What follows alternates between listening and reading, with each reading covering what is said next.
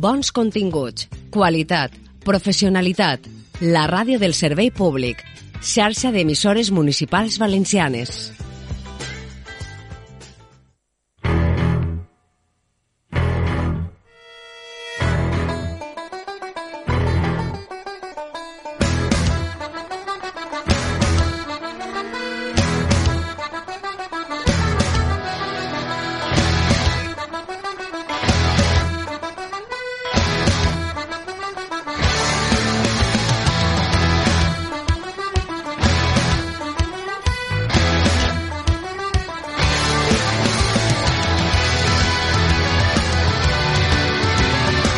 Ja estem eh, per així, una setmana més, amics i amigues del cinema i les sèries, molt contents de tornar a este dijous radiofònic si escolteu el programa en directe o als vostres dispositius electrònics si escolteu via podcast l'episodi d'avui.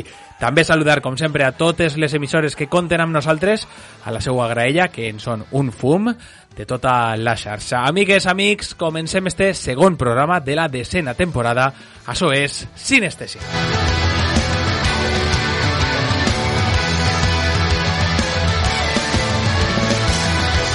Lluís, eh, molt bona vesprada, el primer de tot, i dir que avui presentem a una altra de les noves incorporacions de, de Sinestesia. Hola Pablo, doncs sí, tot un plaer esta temporada que hem començat amb molta força. Com ja sabeu, eh, Andrea i Maria no poden estar esta temporada amb nosaltres, o... però eh, la setmana passada vos vam presentar a Aranxa, que ens parlava de sèries, i en el programa d'avui li toca a Sílvia Adan, eh, gestora cultural i enamorada del cinema. Sílvia, benvinguda a la teua nova casa. Com es- Muchísimas gracias. Com estàs? Estoy muy contenta de estar aquí con vosotros. Después de escucharos durante tanto tiempo, ahora estar, estar aquí es, es muy raro, pero seguro que va a ser algo muy bueno. En mi sección voy a hablar de las road movies y hablaremos de películas que viajen por diferentes territorios y que tengan en común lo que es el, el viaje y el espacio de la carretera. Road movies, eh? El gènere, Pablo ja està El meu gènere encantat. preferit de tots els temps, eh? O sigui que t'ho agraïs que Que moltíssim. Viatjarem amb, amb tu i a més avui crec que faràs una presentació primer per a que te conegam i anem a saber què és allò que més t'agrada, no? Sí, exacto. Bé, doncs eh, en uns minutets eh, parlarem amb, amb Sílvia, dir-li, evidentment, com fem amb totes i tots els que venen, que pots tallar-nos i de fet volem que col·labores i que participes en esta també primera mitja part, perquè a més crec que, que has vist les pel·lícules que anem a, a comentar, així que eh, el micro obert per a que ens comentes qualsevol cosa que, que vulguis.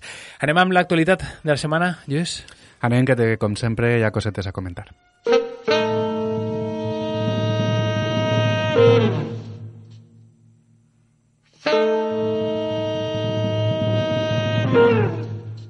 I avui parlem a la secció d'actualitat breument dels Premis eh, Berlanga 2022, que no poguérem fer-ho la setmana passada i ja estan eh, les nominacions d'aquests premis que es lliuraran en uns dies a Castelló. Nom i cognoms de les nominades de cadascuna d'aquestes categories. Eh, Lluís, anem a fer un resum eh, ben ràpid, però la grossa serà per a El agua, Llenos de Gràcia o Basil, les tres pel·lícules amb més nominacions o amb les nominacions, diguem, més rellevants, sempre respectant totes les categories, però aquestes tres són les que han agradat més. Molt, molt bon nivell en l'edició d'enguany. És un plaer veure com estos premis van consolidant-se i és gràcies a que es facin coses eh, eh, al País Valencià. Així que eh, és una bona notícia, jo crec que per a totes i tots els amants de, del bon cinema, que, que aquestes pel·lis que has mencionat estiguen en una terna, jo crec que és un, un nivell molt, molt alt. Anem a fer quiniela o no? Farem, sí. Sí, farem quiniela? Va. Vale. Dir que a banda d'aixes eh, tres, eh, El juego de las llaves i Mujeres sin censura també han sigut altres de les, de les pel·lícules amb més nominacions.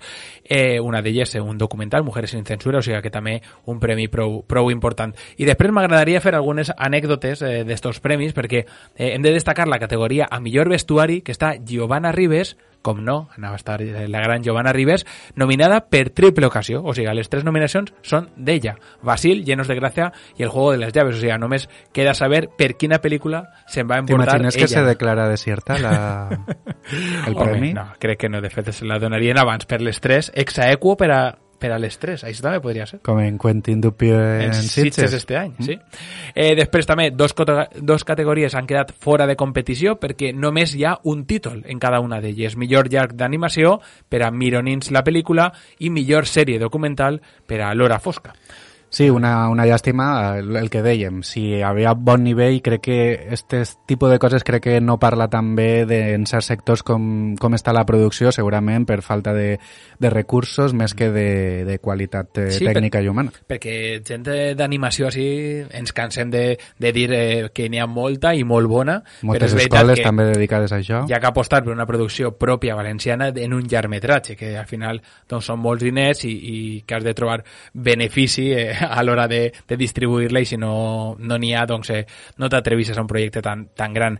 I ja, per últim, dir que Avelina Prat, la directora de Basil, també està nominada a millor curtmetratge documental, On Set with Lily Rich. O sigui que me pareix també curiós que la directora, que per cert serà protagonista pròximament, i ahí ho deixem a este programa, doncs, eh, doncs estiga en esa, en esa doble categoria. Lluís, alguna coseta més? Sí, en l'apartat eh, artístic, eh, com a millor actor eh, protagonista estan tant eh, Pep Sellers per Desenterrats, Willy Montesinos per Berlanga, eh, com Jaime Linares per L'Alqueria Blanca. I, I actrius eh, tenim a Luna Pàmies eh, por El Agua, Lorena López por Nosaltres no ens matarem amb pistoles i Maria Albinyana per Recancelet. Entre tot això, doncs, una, una altra ristra de, de grans eh, noms eh, en altres categories nominats i nominades que ja repassarem quan arriben els premis i, i direm qui ha, qui ha guanyat, si te, si te pareix. I a més, a veure si podem parlar amb algun dels, eh, dels premiats. Això espere. Ens quedem amb la música original per a pujar un poquet de- d'algú- d'un tema d'ells. Eh, Vincent Barrier por Basil, Vicente Ortiz Jimeno por Llenos de Gracia y Luis Ibars por Berlanga.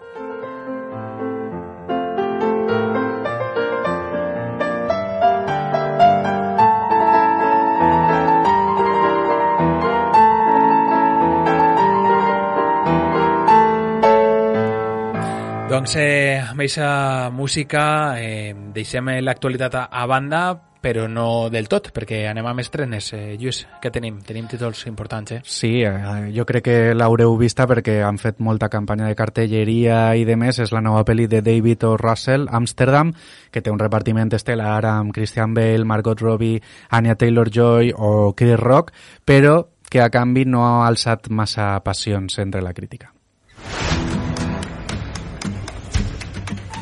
Harold, no sé qué crees que estás haciendo. Eh, Señorita, disculpe. ¿Hola? Un hombre blanco muerto en una caja. Ni siquiera es un ataúd. No tiene ni tapa. No es más que una caja de madera vieja. ¿Quién crees que va a meterse en un lío? Hazme un favor. Intenta ser optimista. El director de pel·lis com El lado bueno de las cosas o The Fighter doncs, eh, torna al cinema després de Joy amb Jennifer Lawrence, que va passar prou desapercebuda, tot i que la crítica no era molt dolenta, però sí que és veritat que a l'estrena no, no se li va donar molt de bombo. No sé si heu vist alguna de David O. Russell. Hem parat en esta perquè crec que és un director prou rellevant, sobretot en l'última dècada, com per a comentar-lo. A mi, per exemple, Tres Reyes me va deixar eh, odiant el cinema, o sea, casi me dejo todo esto després de veure Tres Reyes perquè no me va agradar res, crec que és un dels meus unos en Film Affinity ara sí la torna a veure suposo que se me passa el, cabreig però bé, després La gran estafa americana o El lado bueno de las cosas són pel·lícules a mi me parecen prou, prou, prou bones Sí, a mí me gustó mucho el lado bueno de las cosas. De hecho, tardé un poquito en verla porque siempre que se empieza a hablar mucho de una película tienes un poco de miedo de lo que, lo que luego vas a pensar, pero cuando la vi me, me gustó sobre todo el personaje de Jennifer Lawrence, me sorprendió mucho, no la había visto tanto antes. Y ahora me están entrando ganas de ver el resto de las películas, pero yo creo que son bastante diferentes al lado bueno de las cosas. Jo crec que és un, un director molt eh, versàtil, molt polivalent i també crec que això fa que siga un poquet irregular. Crec que és un director molt interessant. A mi, per exemple, Tres Reyes em va agradar prou. Crec Ai, que és... Dios. És que no tens ni idea de cine, però Ja, ja, no t'ho puc dir. això perquè, segur, això segur. Tres Reyes és una pel·li molt interessant precisament perquè, perquè te conta una història mil vegades vista des d'un altre, des altre punt de vista. A més, té a George Clooney i a, i a altres actors en, en estat de gràcia. Jo crec que és una pel·li de deberes molt interessant perquè és, és arriscada.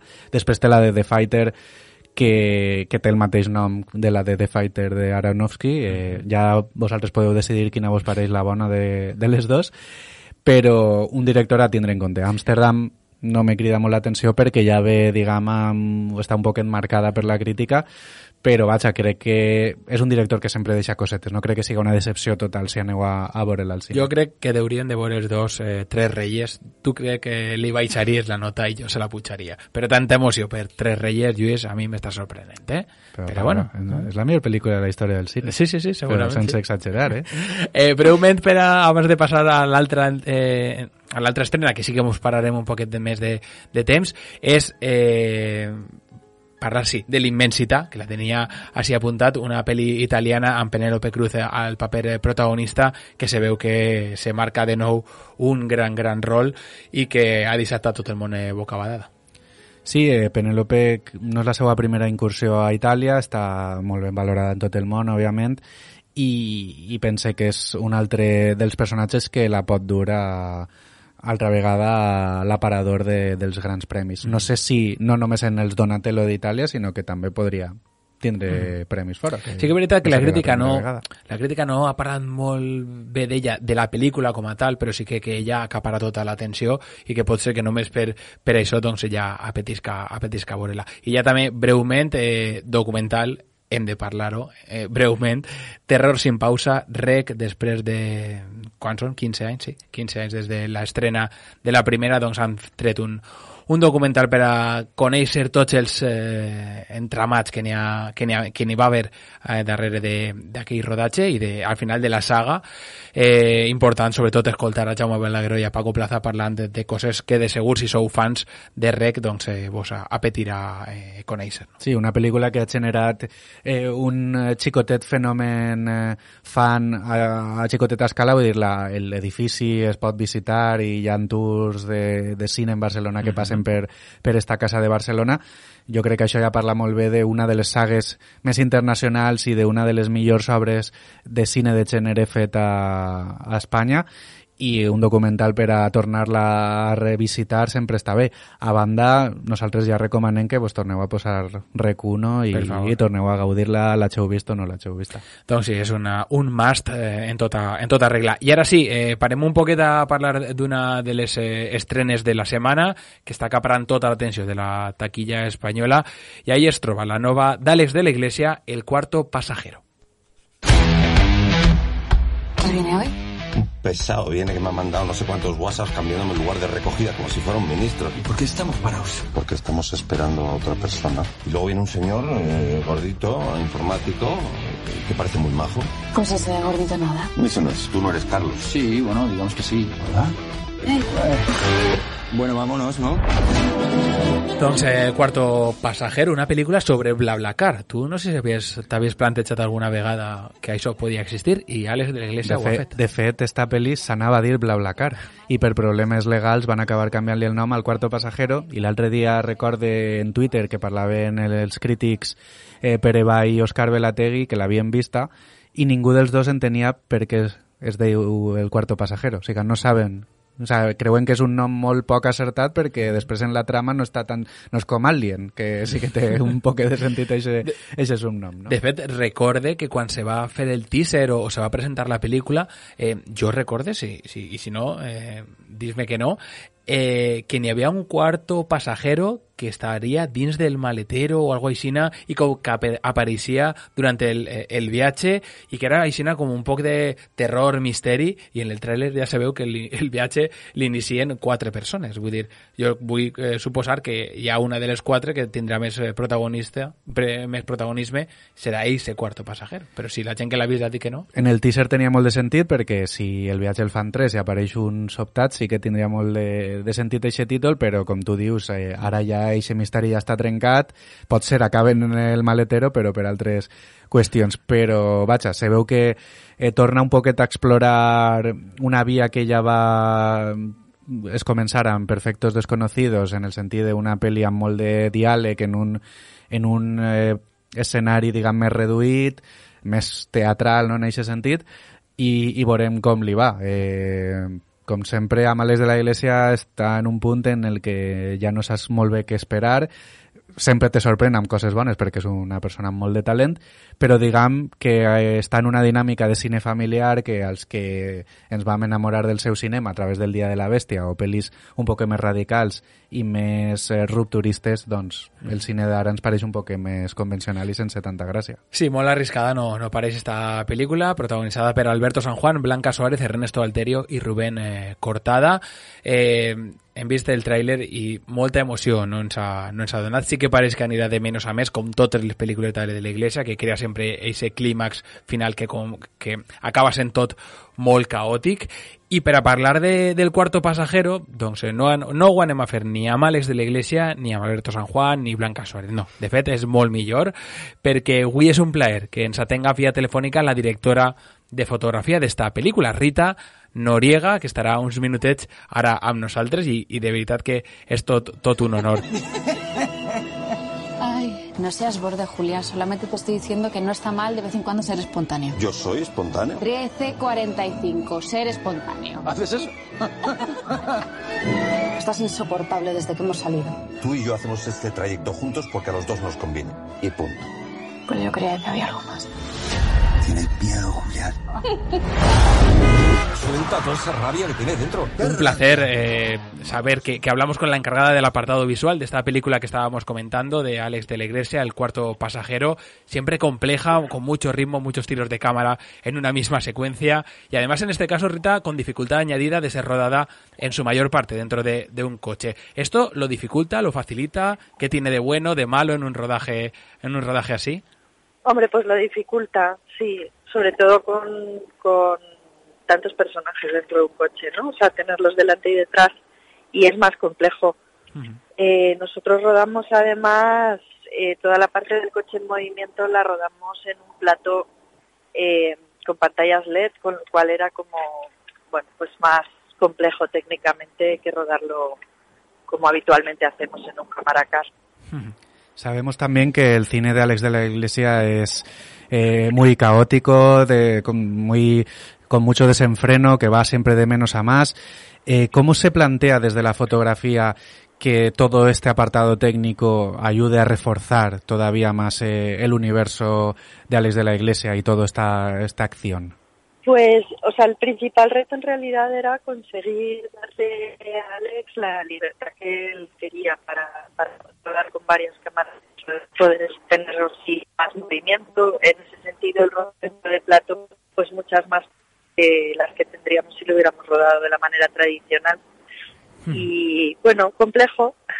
¿Cómo es trabajar eh, con él? ¿Es exigente? Siempre se ha dicho que es exigente, Alex de la Iglesia. Sí, sí, es muy exigente, pero por otro lado también te da como bastante libertad, o sea, tiene las dos, es muy exigente en el resultado, pero a la hora de preparar te da bastante, bastante libertad para proponer. Donde también seguro que ha habido conexión y, y has estado trabajando a gustos con, con, Carlota Pereda, porque no solo Cerdita, sino nos comentabas que ahora mismo te encuentras trabajando con ella de nuevo. ¿Qué relación tenéis y cómo ¿Cómo estáis abordando los proyectos juntas? Pues nos conocemos desde hace mucho tiempo y bueno, es un punto a favor de cuando haces una película y ya tienes tomada así como un poco la medida y hay cosas que no hace falta ni hablar.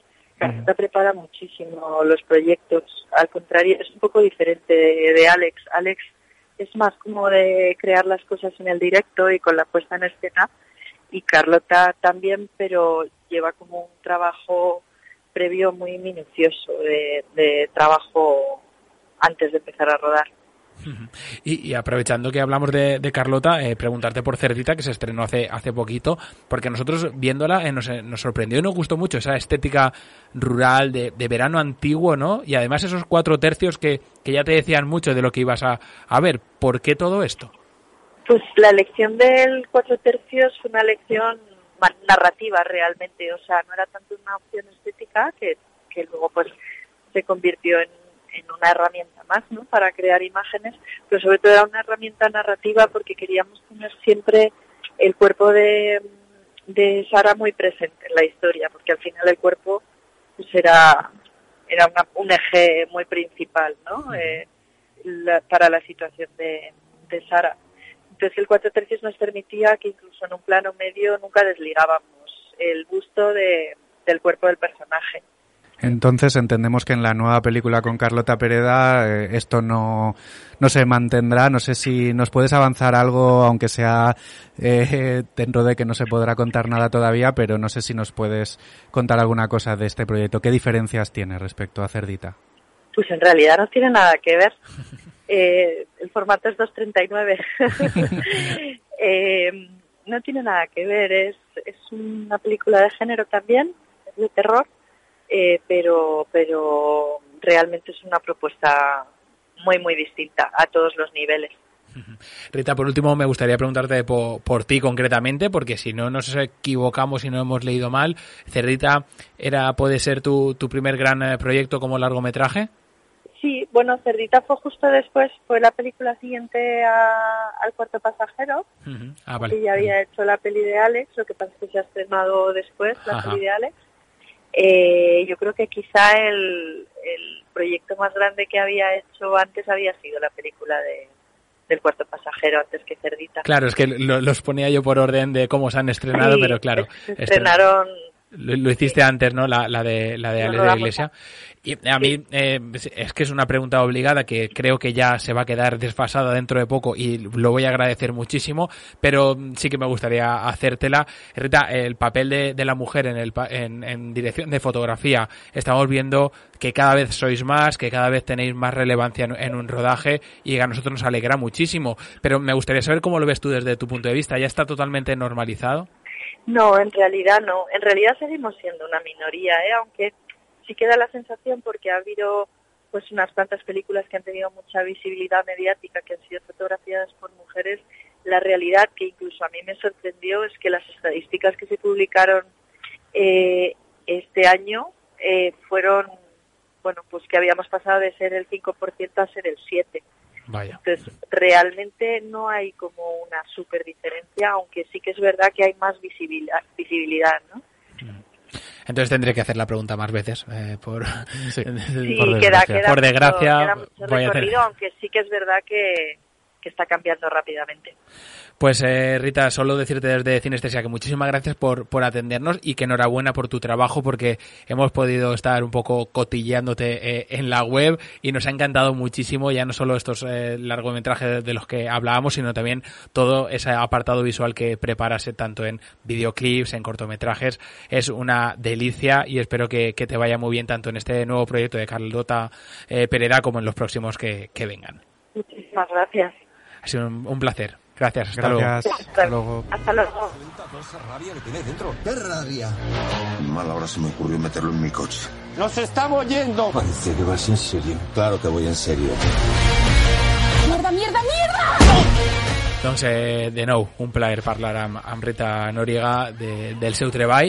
El quarto passajero ja en, en cinemes. Eh, no s'estrena encara, però ja l'hem pogut veure a, a la mostra i volíem també guardar uns minutets eh, per a ella, tot i que parlarem la setmana que ve, eh, de fet, amb la pròpia eh, directora, però volíem eh, que, que ens guardarem uns minutets per allà obrir boca d'esta gran pel·lícula d'este any 2022 eh, de producció valenciana, que és El agua. Elena López Riera, amb la seva òpera prima, ha fet una, una xoia que ja ha guanyat a Toronto, que ha estat a, a la quincena de, de Cannes, i avui la volem eh, comentar, perquè a més l'han vist els tres a, a la mostra, i sí que anem a, a veure que, quines sensacions ens ha donat.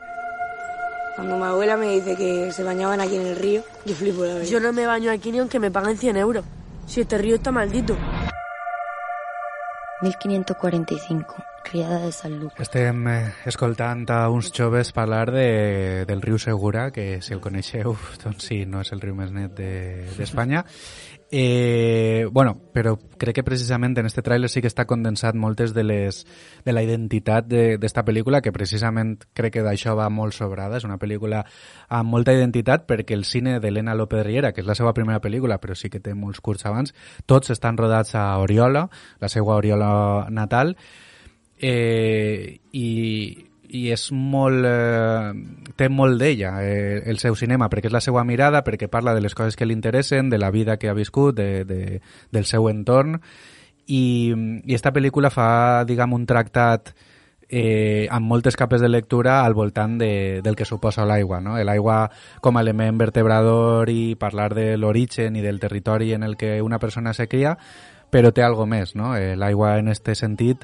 eh, parla d'altres coses, no? també de l'aigua que està en constant moviment i, i també té porta per camins, no? Sempre ha sigut un recurs literari el fet de que un riu simbolitza un viatge, un creixement personal i, i en aquest sentit crec que la pel·lícula és super, super interessant com planteja tot això. L'element que deia ella, no? de, que és l'element que te dona vida però també te la, te la lleva, és un element que es recorre molt en, en el, durant la pel·lícula, eh, ese vincle quasi fantàstic, no? fantasiós, eh, quasi una fàbula, en el que n'hi ha tantes capes de lectura al darrere que costa molt eh, en, un primer visionat eh, donar-se compte de, de pot ser tot el treball que n'hi ha al darrere de, de guió, de, d'imatge, de fotografia, de, de direcció, perquè crec que, que té moltes eh, lectures.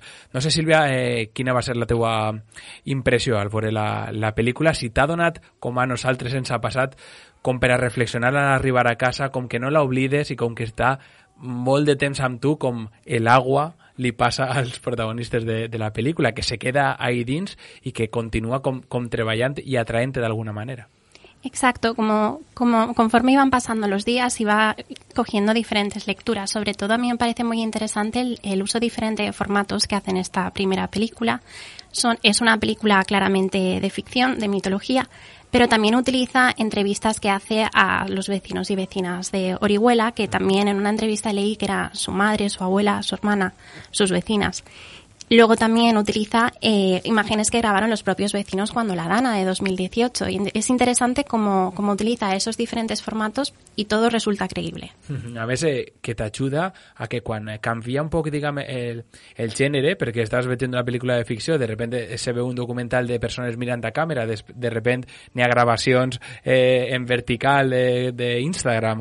Doncs, aquests formats t'ajuden a, a que la intensitat de la pel·lícula es rebaixi un poc, que, que diguem que, que tot allò, tot aquest drama que n'hi ha al darrere de, de la protagonista doncs, eh, eh, es veja d'una manera diferent i més fluida, no? com, com aquesta aigua de protagonista, però al mateix temps li dona un caràcter, un estil molt propi, molt xulo i que sempre s'agraeix no? de, de veure aquesta mescla. A més, com deies, rodada en Orihuela i amb gent no professional, llevant de, evidentment, Bàrbara, Bàrbara Len i Nieve de, de Medina, que són mare i àvia de, de la protagonista, però molt curiós també com eh, sorgís aquest elenc d'actrius en els que les coneix eh, un dia de festa. Sí, això contava Elena, que, que va veure a, a la protagonista Luna Pamies en un botellón, crec, i li va cridar molt l'atenció i se va posar a parlar amb ella.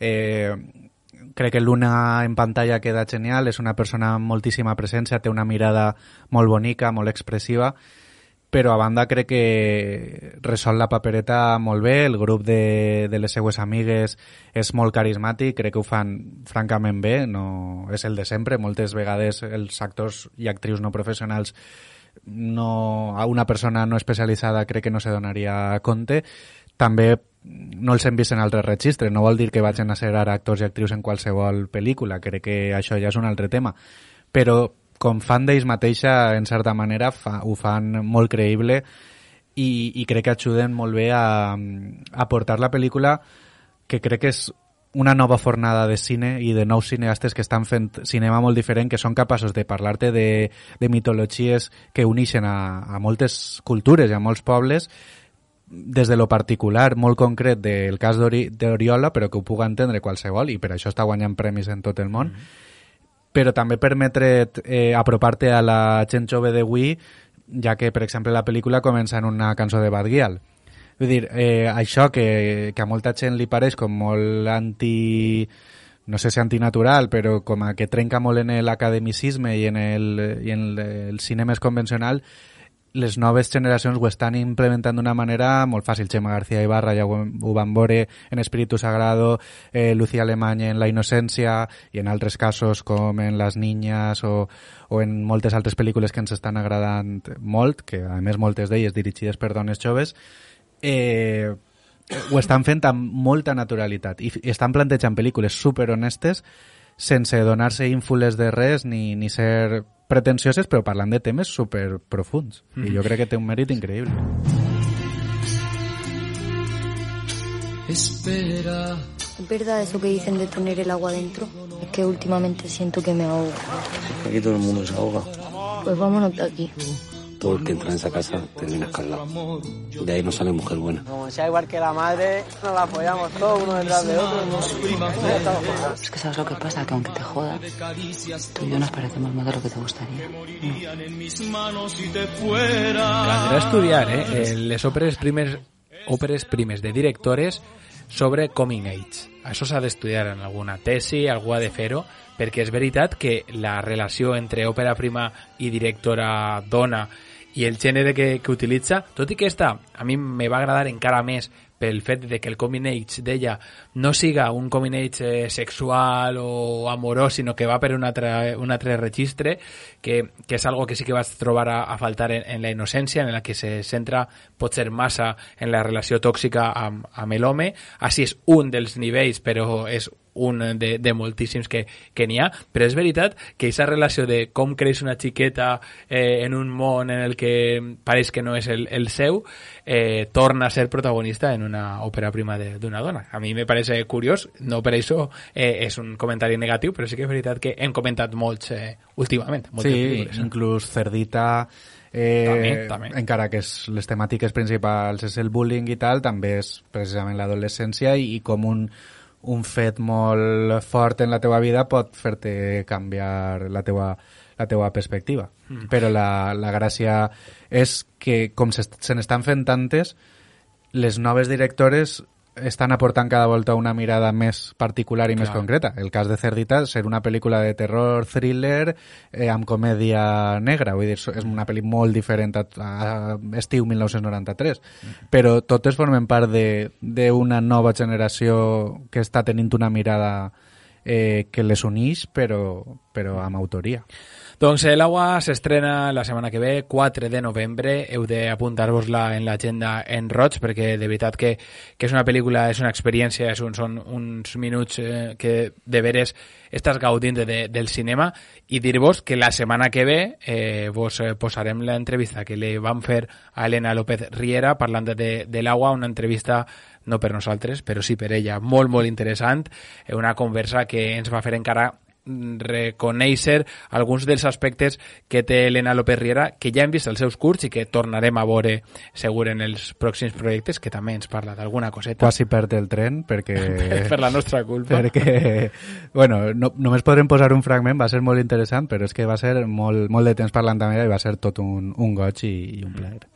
doncs eh, continuem si, si vos pareix. Así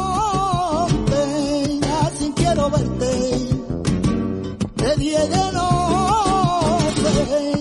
Ay, como el agua, como el agua, como el agua.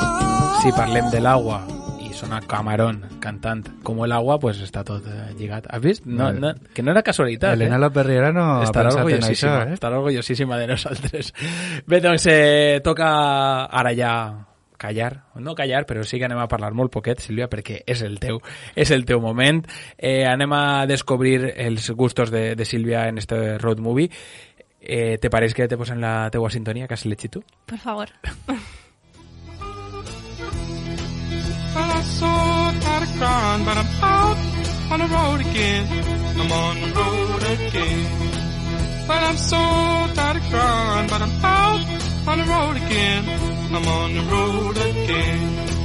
I ain't got no woman just to call my special friend.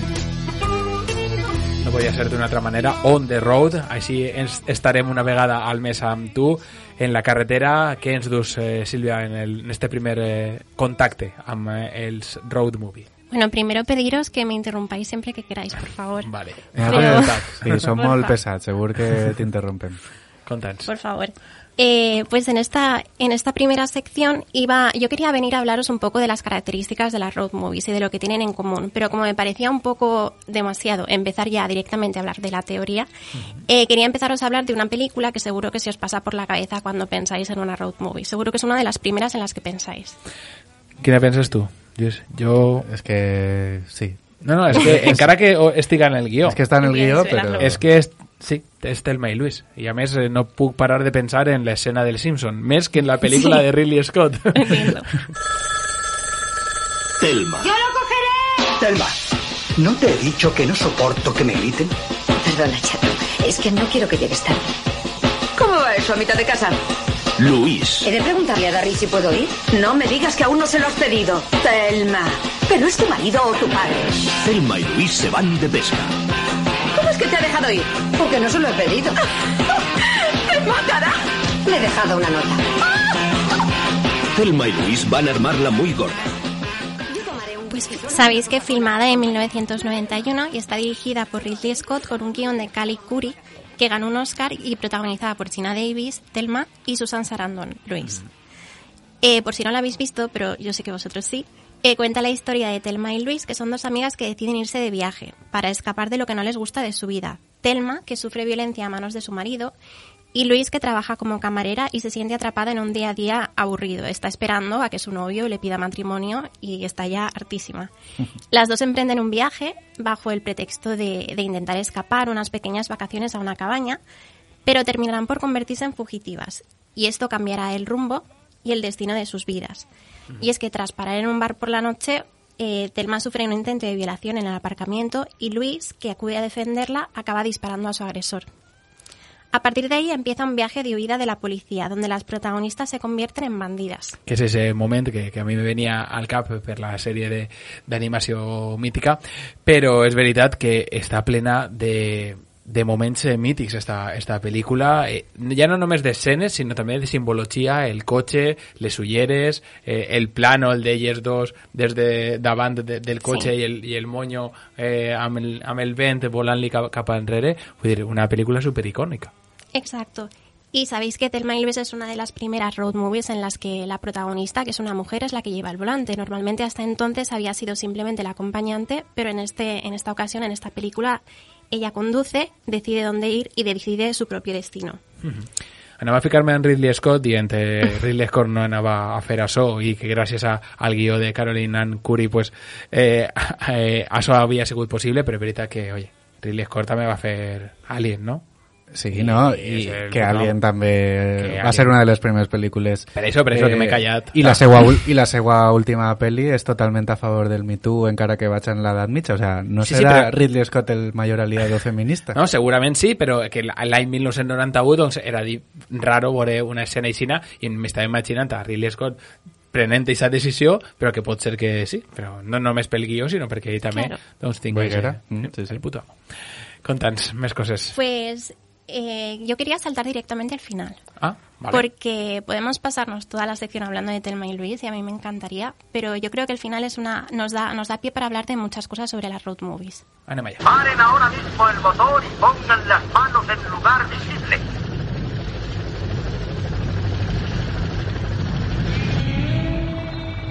Oye, Luis. No nos dejemos coger. ¿Qué quieres decir con eso? Sigamos adelante. ¿Pero qué dices? Vamos.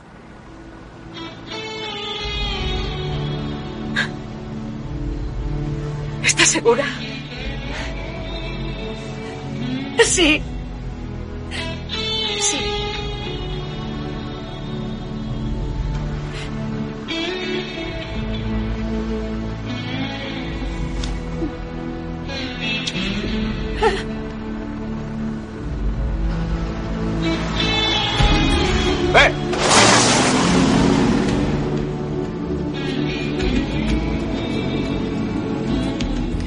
Bueno, yo creo que esta película la habré visto miles de veces, pero la sensación al ver el final siempre es la misma. La veritat és que emocionant, eh? Sí. Emocionant. Por ponernos un poco en situación, eh, lo, lo que hemos escuchado, la policía las acorrala al borde del precipicio del Gran Cañón. Un número desproporcionado de coches hace sonar las sirenas y por megáfono se les pide que den la vuelta. Las dos protagonistas no ven escapatoria y tendrán que elegir entre dar la vuelta y entregarse a la policía o seguir adelante y precipitarse por el vacío. No sé si sabéis que había un final, un final alternativo. Este que eligieron es el final comercial. que es que congelan la imagen cuando saltan y luego ponen una serie de, imágenes de, lo que es el viaje. Pero el final que se rodó in- en un primer momento eran unos 18 segundos del coche cayendo al vacío hasta que desaparece.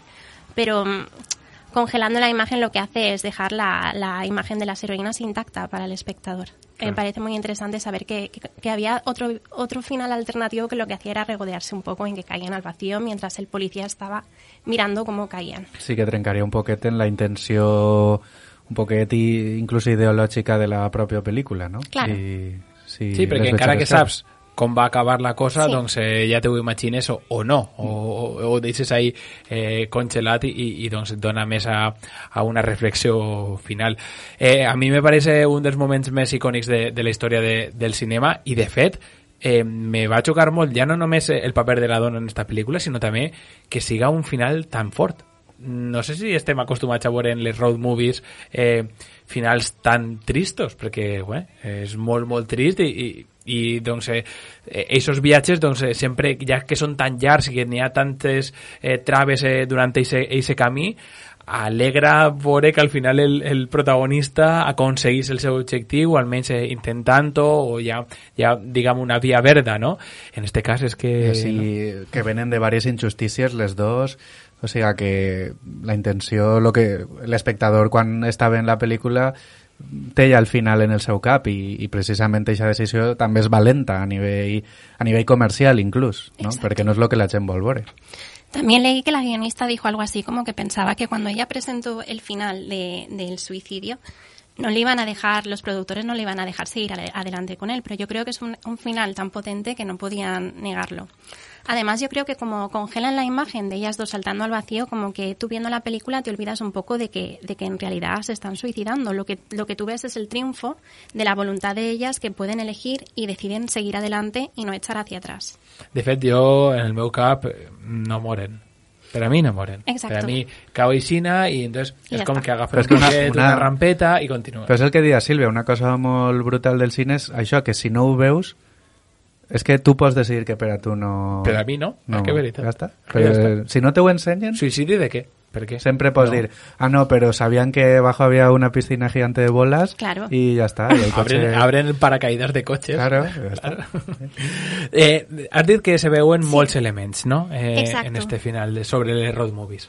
Sí, yo creo que en este final podemos ver lo que acaba siendo el corazón de todas las road movies, que es un viaje que se inicia como un intento por cambiar las vidas de los protagonistas y que a través del viaje se transforma y se, y se desarrollan sus acciones y, así cambia su percepción y lugar en el mundo y en la historia y en extensión cambia su, su destino.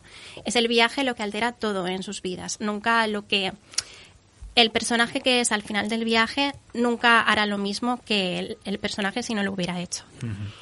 Més, eh, viatges, eh, moltes road movies utilitzen aquest viatge com a excusa de coneixement propi, no? Que sempre Exacto. se diu en alguna sinopsi eh, utilitzarà el viatge per a conocerse a ella o a él mismo, ¿no? Eso es Sí. algo, un, un se'n va a la India. Eso es, tal cual. Exacto. Entonces son muchos los elementos que caracterizan a las road movies, pero no todas tienen que contenerlos todos. Hemos dicho, por ejemplo, el vehículo, el movimiento, la memoria, los paisajes, los obstáculos, los compañeros de viaje, la huida del hogar, el destino final si es que lo hay, porque una road movie no tiene por qué terminar cuando termina el viaje, ellos pueden seguir viajando. De, de fet, a voltes eh, tens ganes de...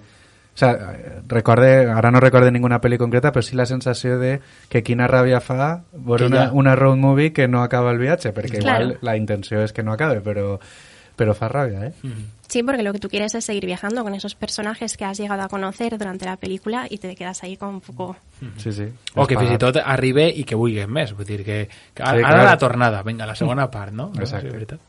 I motius del, del viatge... Eh, Eh, exacto. Los motivos del viaje y su destino pueden ser muchos. La búsqueda de un futuro mejor, el retorno al hogar, el autoconocimiento, como habías dicho, Pablo, la huida de la justicia, la necesidad de cambio y los finales, que en muchas de estas películas suelen ser finales abiertos, como hemos dicho. La película puede terminar cuando llegan a su destino los personajes o puede seguir aún después.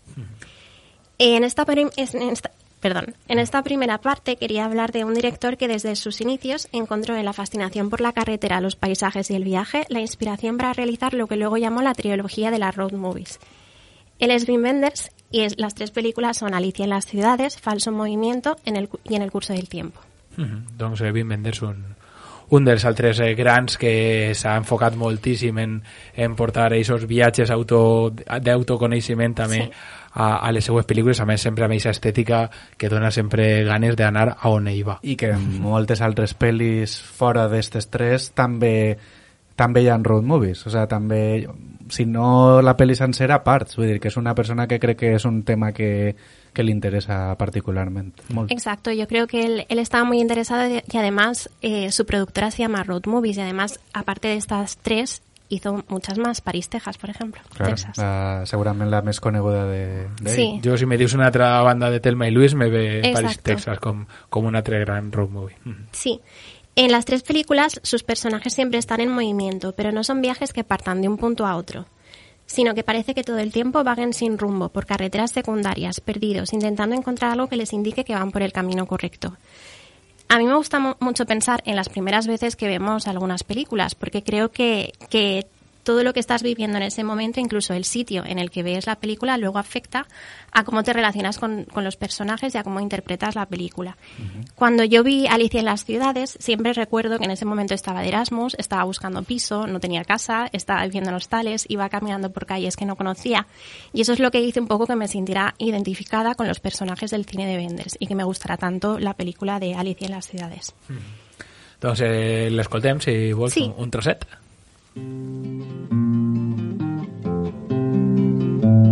Do you love him? He likes it, and I like him.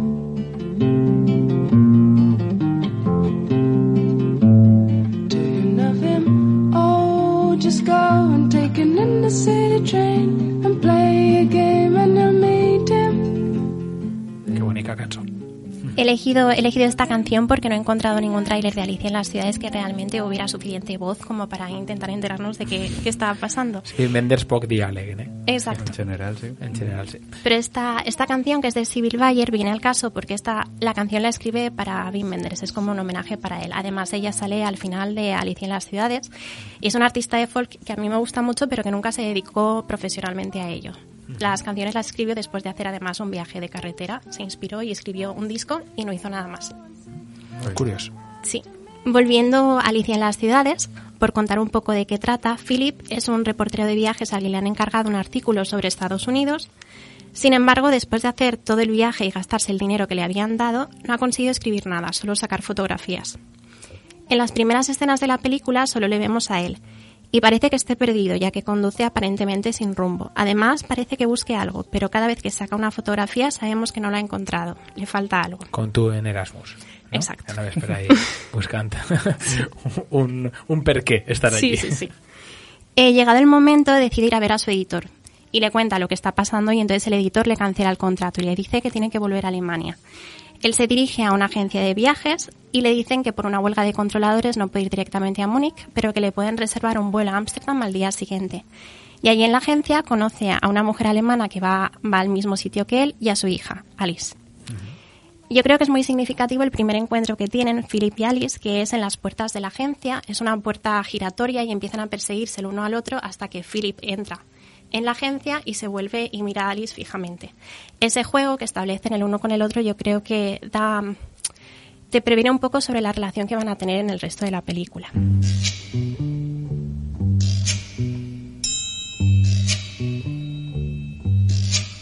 Oh, when the sun beats down and burns the tar up on the roof. And your shoes get so hot, you wish your tired feet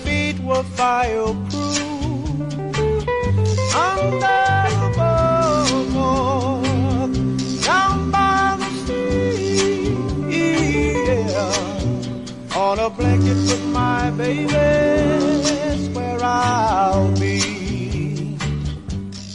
En esa noche que, que pasan en Estados Unidos, la madre desaparece a la mañana siguiente, dejándole una carta a Philip diciéndole que tiene que hacerse cargo de su hija Alice. Entonces vuelan los dos a Ámsterdam porque allí es donde han quedado supuestamente con la madre, pero después de reservar un hotel cerca del aeropuerto la madre no aparece. Y entonces Philip tiene que tomar una decisión. Y se hace cargo de Alicia. Y entonces empiezan juntos un, un viaje por diferentes medios, recorriendo diferentes paisajes en barco por los canales de Ámsterdam, con un coche alquilado por los paisajes industriales de Alemania, en el metro suspendido de Wuppertal, y continúan la búsqueda de la casa de los abuelos de Alicia, porque Philip ya no sabe qué, qué más hacer con ella. Eh, Alicia y Philip inician este viaje lejos de todo lo que conocen, pero sin embargo, en el viaje encuentran lo que necesitan. Alicia, su familia, su hogar, y Philip un objetivo, un rumbo, un camino de vuelta a su identidad. Un objectiu no? per, del per què estar a la vida i a més en aquest viatge continuen jugant, eh, passant-ho bé entre avorriment però també per a compensar doncs, aquests xocs que Exacte. apareixen en aquest primer contacte que deies que me pareix molt interessant el fet de, de tindre aquest primer contacte com a senya d'identitat de lo que, de lo que es devindrà durant tota la, durant la pel·lícula Sí. Y una, una de mis escenas favoritas de la película es cuando después de todo lo que está todo lo que está pasando a Philip se le está acabando el dinero, pero Alice se empeña en comprarse un helado en una cafetería y en esa escena mientras está tomándose el helado le confiesa que le ha mentido sobre dónde estaba la casa de su abuela porque lo único que quería era vengarse de él porque ella quería quedarse en Ámsterdam. Y entonces es cuando suena la, la canción que he elegido para la sección, todo viene al caso. tot està rodat Exacto. Y no, no quiero desvelaros más, así que vamos a pasar, si os parece bien, a la siguiente película.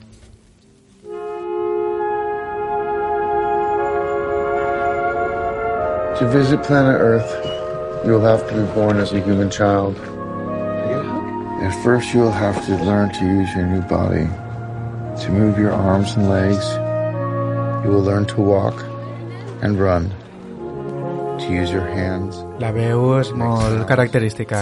De fet, eh, qui ens estigui escoltant hauria de saber ja qui és, eh? I, i de fet, eh, el personatge en esta pel·li crec que utilitza la veu, vull dir, eh, és algo de treballa en la ràdio o algo així, Sí, no? O sea es, que, es periodista radiofónico. doncs, eh, el gran eh, Joaquín Phoenix eh, en una pel·lícula, per cert, eh, molt ben traduïda en, a, al castellà, perquè és, en anglès és Come on, come on, Sí. i així és Siempre adelante. Come on, siempre, come on, adelante. Sí. Com tot el resiliency, it's it's okay to not be fine. You know, like you can be you know angry and and sad and and, and lost and, and confused and that's okay. But I'm fine. Pues Come on, Come On es una película dirigida por Mike Mills. Mike Mills, el director de Principiantes y de Mujeres del siglo XX. Y está protagonizada, como habéis escuchado, por Joaquín Phoenix, Gaby Hoffman, que a mí me encanta, que la conocí cuando, cuando salió en, en la serie Transparent, y Buddy Norman, que es un niño de nueve años. Aunque se estrenó en el Festival de Cine Telluride y ha tenido recorrido desde entonces, en España solo se ha estrenado en el Festival de Cine de Gijón. Y luego lo incluyeron en la gala de, gala de ina- de inauguración del Festival Rizoma. Pero todavía no se ha estrenado en cines, pero yo creo que no debería tardar ya. No, No, i de fet tampoc se pot veure en cap plataforma ni, ni res. Però tenint a Joaquim Phoenix suposa que és un, un atractiu suficient per a que s'estrene. Però Exacte. de vegades passen coses rares. Ja vam veure Under the Skin amb Scarlett Johansson que va tardar 10 anys en Sí, estrenar-se sí. lo menos, o sigui que... No, no, no consigo entenderlo. Algo así. Pero bueno. así será. En, en, una entrevista, en una entrevista para el festival, el director decía, en 2016 me sentía muy perdido, estábamos sumidos en la era Trump y me sentía muy desconectado de todo. Veía a Alicia en las ciudades como si fuera una medicina. Inspirado por ella y las preguntas y conversaciones con mi hijo, empecé a crear esta historia. Tot filat, eh, Sílvia? Ho has dut tot filat. Todo tiene Això sentido. no ho hem fet nosaltres mai, eh? Que va. Molt bé, Sílvia. Eh, entonces, como contaba, Johnny era, es un periodista radiofónico que entrevista, tiene un programa en el que entrevista a niños sobre su visión y percepción del futuro. Y en el aniversario de la muerte de su madre llama a su hermana y su hermana le pide un favor. Tiene que hacerse cargo de su sobrino de nueve años. Entonces embar- se embarcan en un viaje, tío y sobrino, en diferentes ciudades para que Johnny pueda seguir trabajando entrevistando a los niños. Con Camon Camon he hecho un poquito de trampa porque no es una road movie al uso, realmente no pasan tanto tiempo de la película en, en el, en el viaje. Intuimos el viaje porque vemos imágenes de ciudades que se utilizan como transición. Vemos que viajan por Detroit, Los Ángeles, Nueva York, Nueva Orleans, pero realmente no vemos cómo llegan allí. Pero sabemos que los personajes siempre están en movimiento porque lo escuchamos, aunque no lo vemos. Con la lectura de cuentos, conversaciones telefónicas, grabaciones del propio Johnny y los sonidos de las ciudades que Jesse captura con el micrófono de su tío, componemos la banda sonora y damos sentido a lo que estamos viendo. El que dius també és interessant per veure com acotar, que igual ho podem parlar en, en altra vegada que vingues, que és una road movie que no, perquè o poden ser moltes o poden ser molt poquetes, depèn de, de com ho fiques, perquè el que has dit de que es veig en moltes ciutats pot ser part de la trama i que no se Clar. considera road movie, però però després si, els, si estan viatjant i tenint un creixement personal sí que entraria. O les pel·lícules de venjança, per exemple, que se recorren tot el món perseguint a qui pot ser tinga la seva filla o la seva amant o el que siga. O les d'aventures. O les d'aventures, que també són un viatge, però clar, ha de tindre aquests elements que estaves contant molt bé, Sílvia, perquè tinga aquesta evolució, no? No és només eh, anar eh, agafar el vol, agafar Claro. un vol, sinó que ha d'haver un context i, i un treball d'evolució de, de, de personatge, no? Exacto. Em, y entonces, por relacionarlo un poco con Alicia en las ciudades, igual que Philip en Alicia en las ciudades trataba de entender lo que estaba pasando sacando fotografías, pero no consigue entenderlo hasta que no empieza con esos juegos y conversaciones con Alicia. En Camon Camon, Johnny intenta entender lo que le está pasando grabándose a sí mismo todas las noches. Y le encuentra sentido incorporando las entrevistas que hace a los niños y con las conversaciones que tiene con su sobrino. Hay un cambio en su forma de ver las cosas. Eh, su sobrino se resiste a ser entrevistado hasta el final de la película y a escondidas graba un audio que es el que le da el título a la película, que dice algo así como que en la vida todo lo que imaginas que va a pasar no pasa y lo que no te imaginas lo hace y que sin embargo solo tenemos que seguir adelante, adelante, adelante. Como en el final de Telma y Luis, que ya solo tenían una opción, seguir conduciendo y seguir adelante. Doncs eh, meravellós, meravellós Sílvia perquè està tot totalment eh, eh, connectat. I són a més tres eh, road movies, eh, algunes d'elles eh, conegudes però altra com està que no hem tingut el plaer de, de, de poder, tres èpoques distintes i tres eh, perspectives distintes, o sigui que si no les heu vistes, ja sabeu, eh, us heu de posar les piles i només hem fet aquí un xicotet tas de road movies, però crec que en, amb el que queda de temporada anem a parlar de, de moltes més i anem a viatjar moltíssim. Sílvia, eh, a més, eh, què ens dures eh, per a, pròximament? Has pensat alguna cosa? Viatjarem, eh, diguem, per algun país, eh, per alguna època històrica o de tot un poc?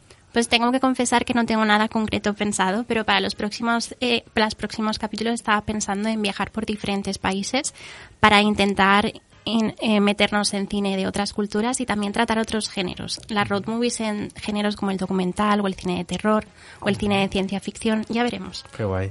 Superguai. I, ta- I també abans, quan has dit que hi ha diverses eh, condicionants per a ser road movie, que un és el vehicle, també estava pensant, podem parlar una només de vehicles, perquè parles d'una història verdadera de Bill Lynch, que és Que va el- en el- segadora en la segadora de Sí. Chespa, jo crec que ahí podem trobar també coses molt increïbles. Mm, que pel·lícula més bonica, eh? Sí. Mucho.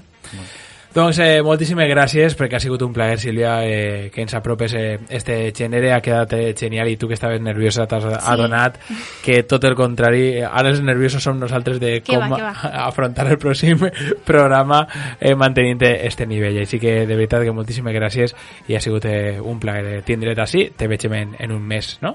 Exacto. Molt y bé. gracias a vosotros. Doncs Gràcies, eh, Lluís, eh, cançó final. La cançó final és eh, Black is Belsa, de la pel·lícula homònima de Fermín Muguruza.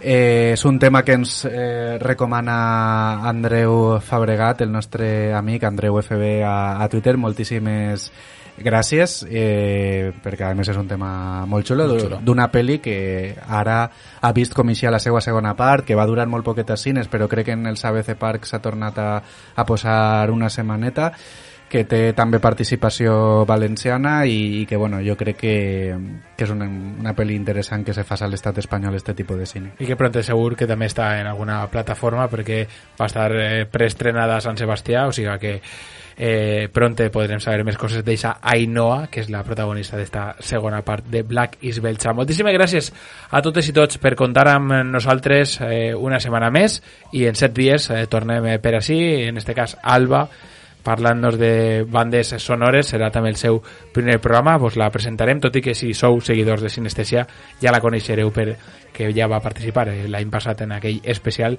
sobre música. Ens eh, vegem pronte, Lluís. I ens escoltem la setmana que ve, com sempre diem, aprofiteu per a veure bon cine i bones sèries. Gràcies. Adeu. Black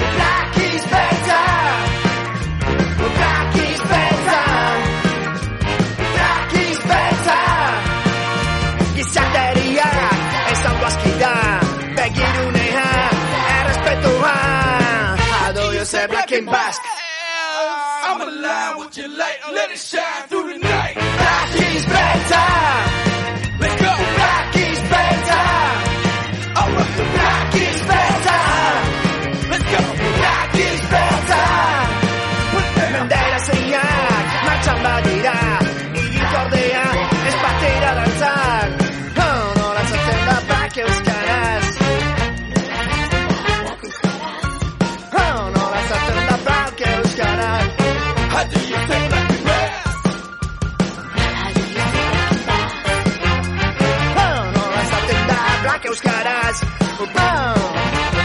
How do you say black and basque? How do you say black and basque? Escoltes, un programa de la xarxa d'emissores municipals valencianes.